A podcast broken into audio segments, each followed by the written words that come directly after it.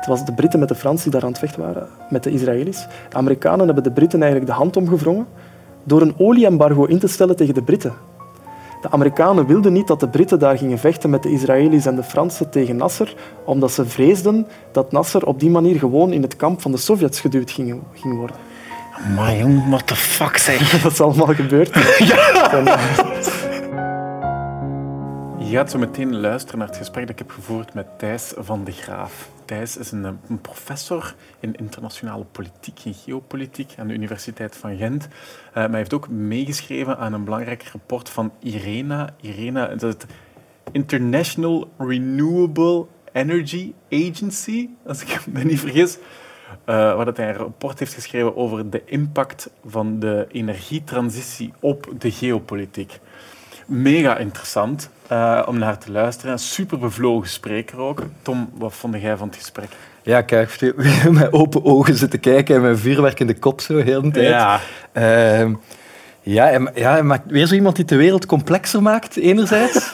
dus zo, ja, de, um, ja olie alleen is geen goede uitleg voor een oorlog of zo. Het is veel complexer dan dat. Het is een factor. Er zijn altijd er meerdere lijnen. Dat, ja. En wist je dat die soap in dat land zich afspeelde tussen die twee dictators? En, wist je dat, en dat komt er allemaal bij. En dat wordt zo... Het wordt eigenlijk allemaal complexer. Ja. Maar het is wel vrij cool dat je zo een soort... Uh, een beetje begint vat te krijgen op die complexiteit. Ja, of, ja, ja, toch. En toch wat handvaten krijgt om naar die wereld te kijken. Ja, ook. anders naar het nieuws begint te kijken, ook op, denk ik. Allee, dat merk ik toch naar de ja, Ik vroeg hem naar, naar tips, hè, van waar moet je naar kijken. En dan ja. zei hij van, kijk gewoon naar RT, Russia Today, en naar Al Jazeera, en naar CNN, en naar Fox. Gewoon. Gewoon, gewoon naar alles. En als je die, dan merk je zo wat elk perspectief, en dan kun je daardoor misschien afleiden wat dat er misschien en waarom aan het spelen is. Ja, ja, misschien. Een beetje. cool. Vooral het één stuk dat ik zo... Dat, het stukje waarin dat hij vertelt over de impact van belastingen in, het midden, in sommige landen in het Midden-Oosten. Ja, ja, ja, ja, het sociaal contract. Ja. ja. Fuck man. Ja, ik ga het niet uitleggen. Hè? Nee, nee. Vrij cool. Ja, heel cool.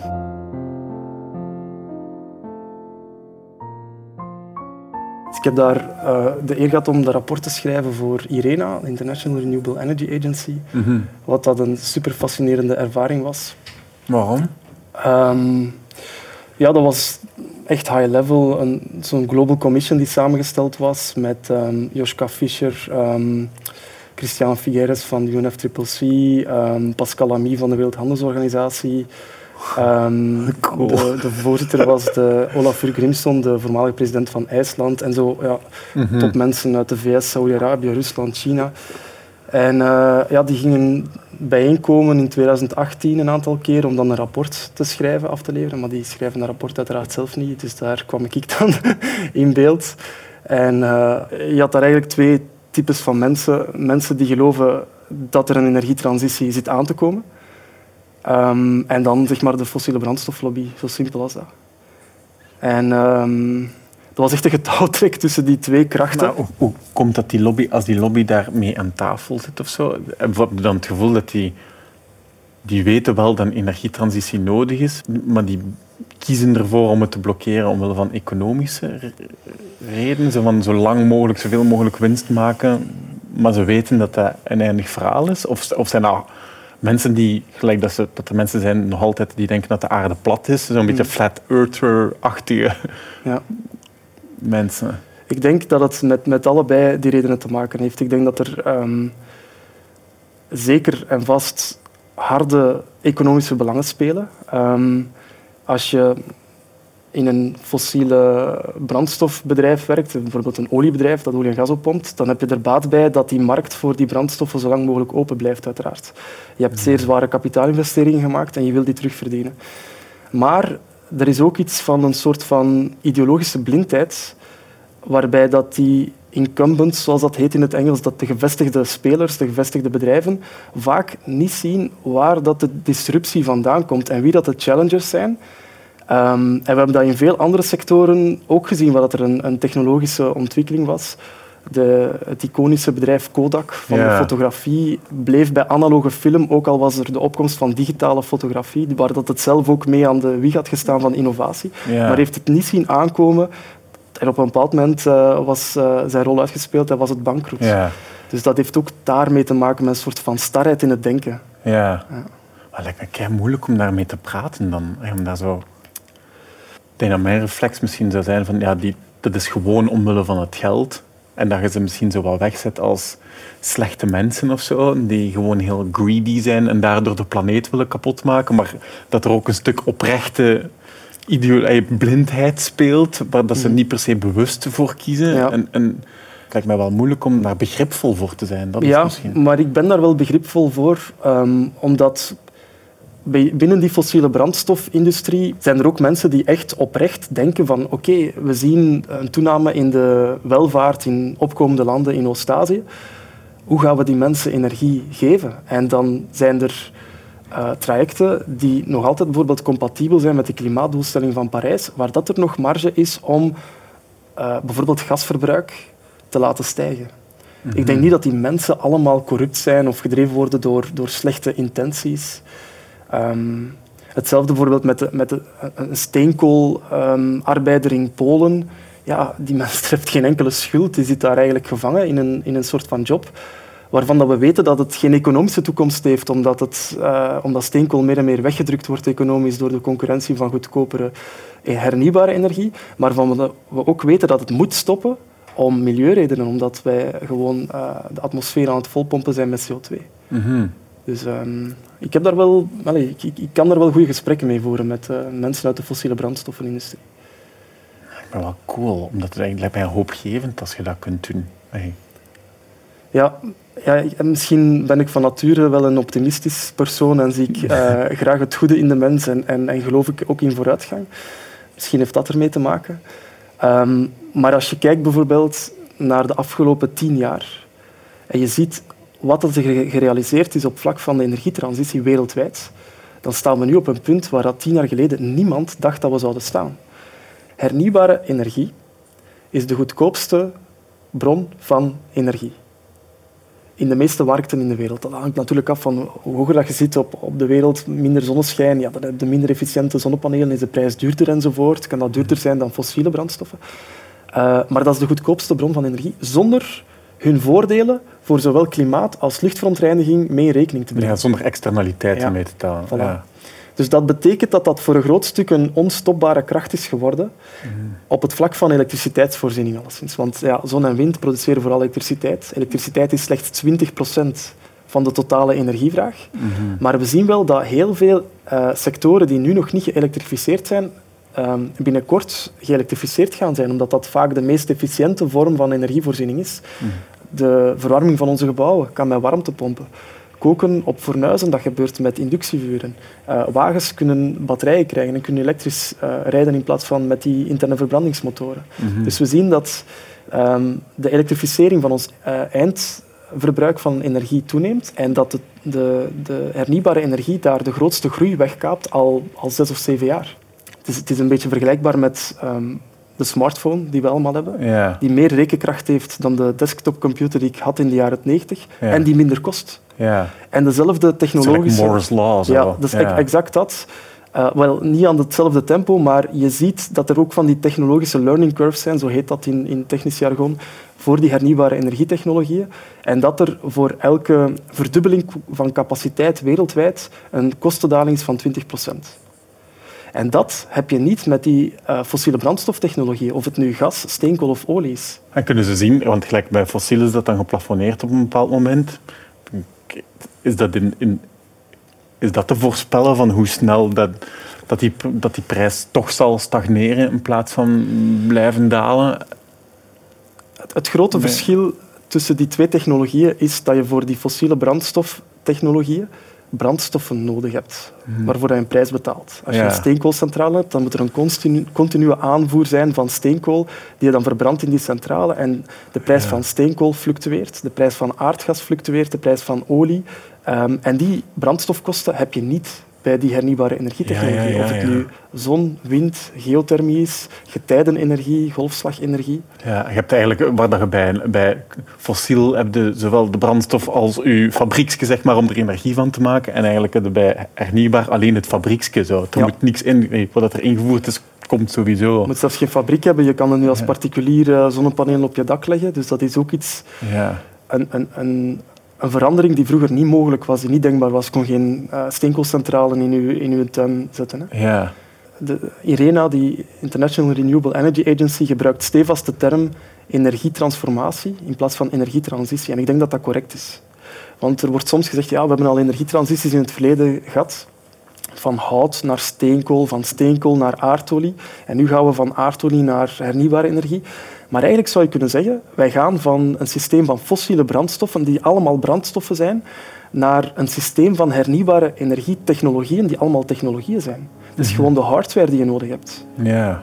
En dan de brandstof moet je niet betalen.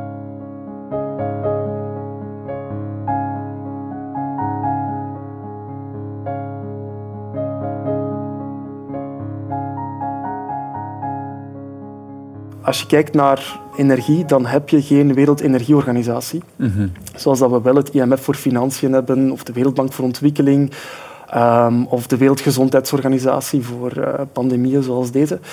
Um, we hebben een heel gefragmenteerd institutioneel landschap. En voor westerse regeringen is het Internationaal Energieagentschap in Parijs altijd het referentiepunt geweest voor coördinatie en afstemming van energiebeleid. Dat is opgericht in 1974 op het middenpunt van de eerste olieshock. En men heeft dan gewoon het, het, gemak eigenlijk beslist van we gaan dat zetten in de OESO. De OESO was een clubje die al bestond van die rijke westerse geïndustrialiseerde landen. Um, dus het IEA is daar opgericht in het tijdperk van oliecrisis met een mandaat gericht op energieveiligheid, energiezekerheid, bevoorradingszekerheid. als, iets, als iets tegenover maar dat we nu de OPEC... Eh, zo, ja, dat was een soort van anti-kartel tegen OPEC van de consumentenlanden, de landen die afhankelijk waren van import. Ja. Um, en dat, die, dat agentschap bestaat vandaag nog altijd, heeft 30 lidstaten. Dat is natuurlijk een serieuze handicap in een wereld van bijna 200 soevereine landen. Um, maar een andere serieuze handicap is dat er heel veel kritiek komt uit heel veel verschillende hoeken op het IEA. Namelijk dat het in zijn scenario's en analyses en beleidsadviezen veel te veel gericht zou zijn op het bestendigen van de fossiele en nucleaire industrieën. Dat het eigenlijk gekaapt is door die industrieën. Um, dat leidt aan een soort van institutionele blindheid zelfs. Mhm.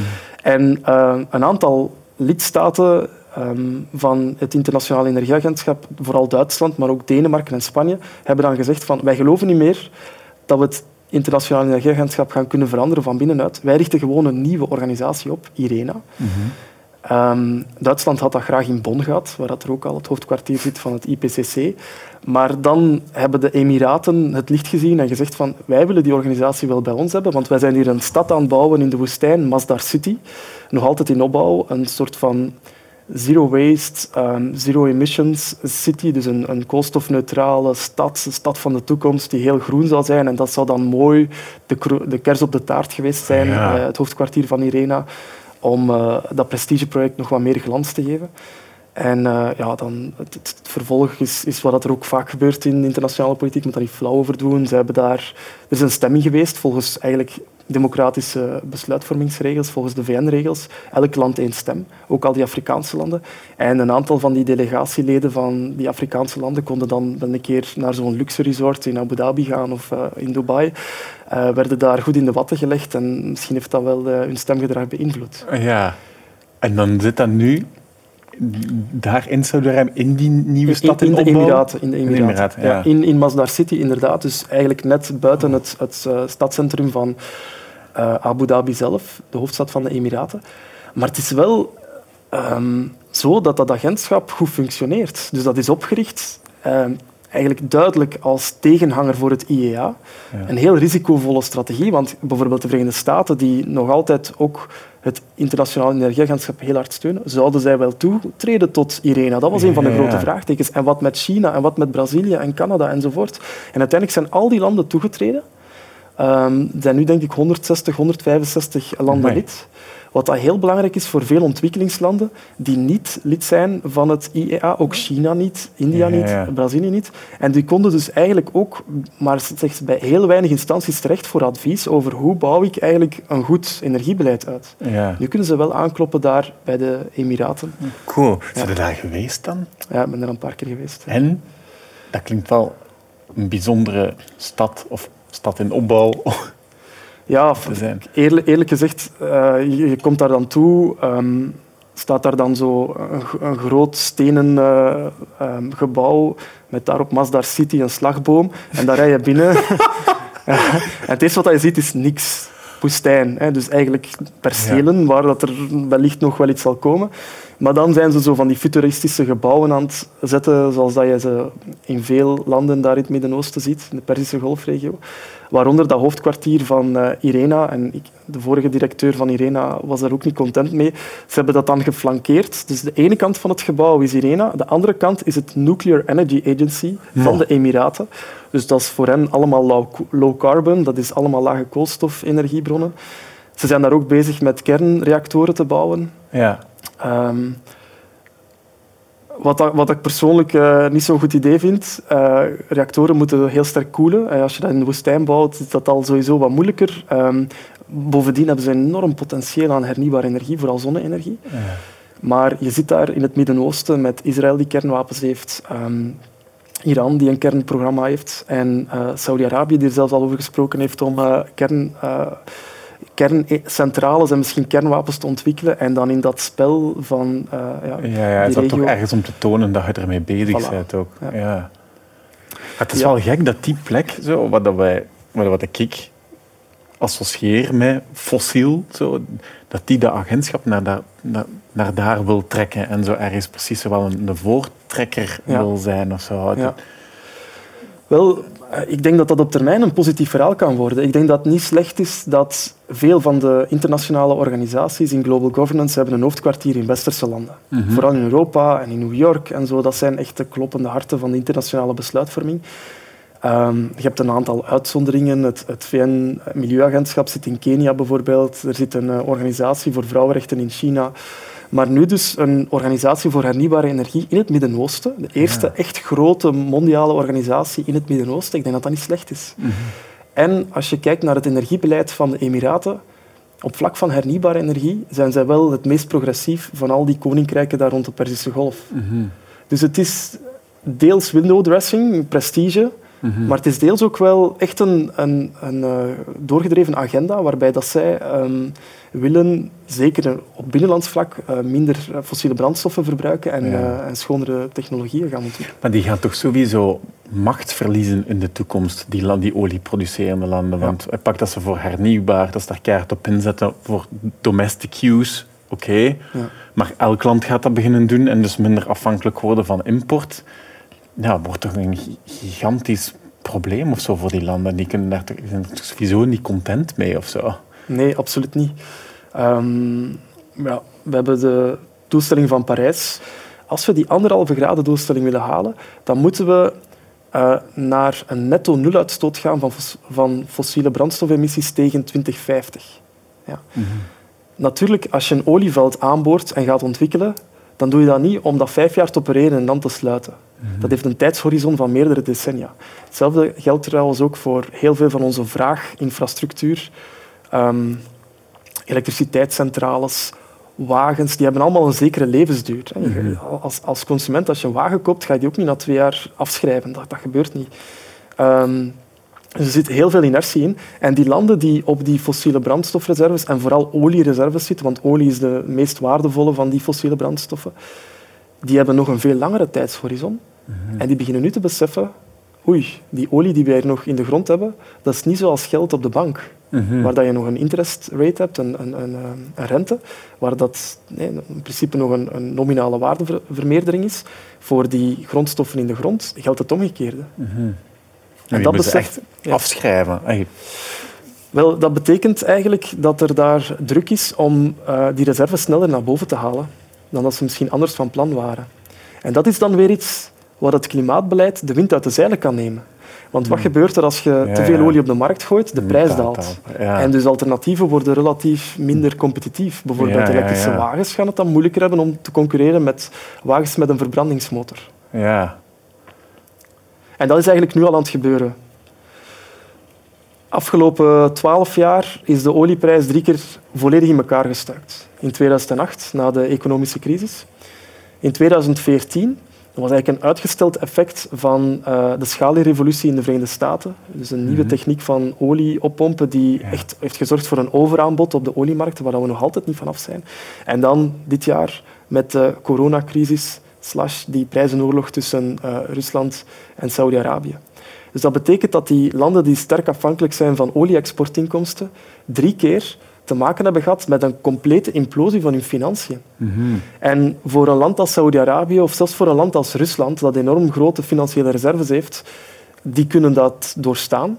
Maar voor landen als Tjaad, Zuid-Soedan, Nigeria, zijn dat dus nachtmerries. Mhm. En eigenlijk tikkende tijdbommen.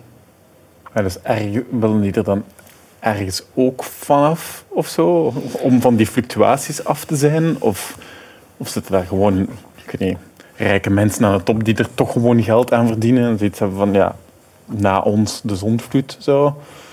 Ik denk dat veel van die ontwikkelingslanden nog altijd de hoop hebben gevestigd op het naar boven halen van die fossiele brandstoffen en op die manier hun industrialisering en hun ontwikkeling te gaan financieren. Ja. Ehm, maar ik begin er meer en meer voor te vrezen of dat, dat werkelijk nog kan. Ja, en wij moeten daar misschien ook voor vrezen, want als hen dat niet lukt, dan is dat voor ons ergens ook een probleem. dan, dan wil dat zeggen dat die landen zich niet verder kunnen ontwikkelen. De gemiddelde leeftijd in Nigeria is 19 jaar. Het zijn allemaal jonge mensen die jobs willen, die hoop hebben op een goede toekomst, maar als de economie daar naar beneden gaat in plaats van naar boven, en je zit in een land um, waar er al instabiliteit is, terreurgroepen actief zijn, ja, wat, wat, gaat ermee gebeuren? Mm die gaan misschien wel naar Europa willen. Ja, dat is een heel andere. Want je hebt zo, als we over migratie spreken, dan hebben we zo klimaat als reden voor migratie. Maar dan denk je zo aan gebieden die onbewoonbaar worden. Maar dan, dan heb je ook gewoon die economische gevolgen daarvan voor die olieproducerende landen. En je moet die twee effecten optellen eigenlijk. Hè, want de klimaatverandering... Ja, komen ook sowieso.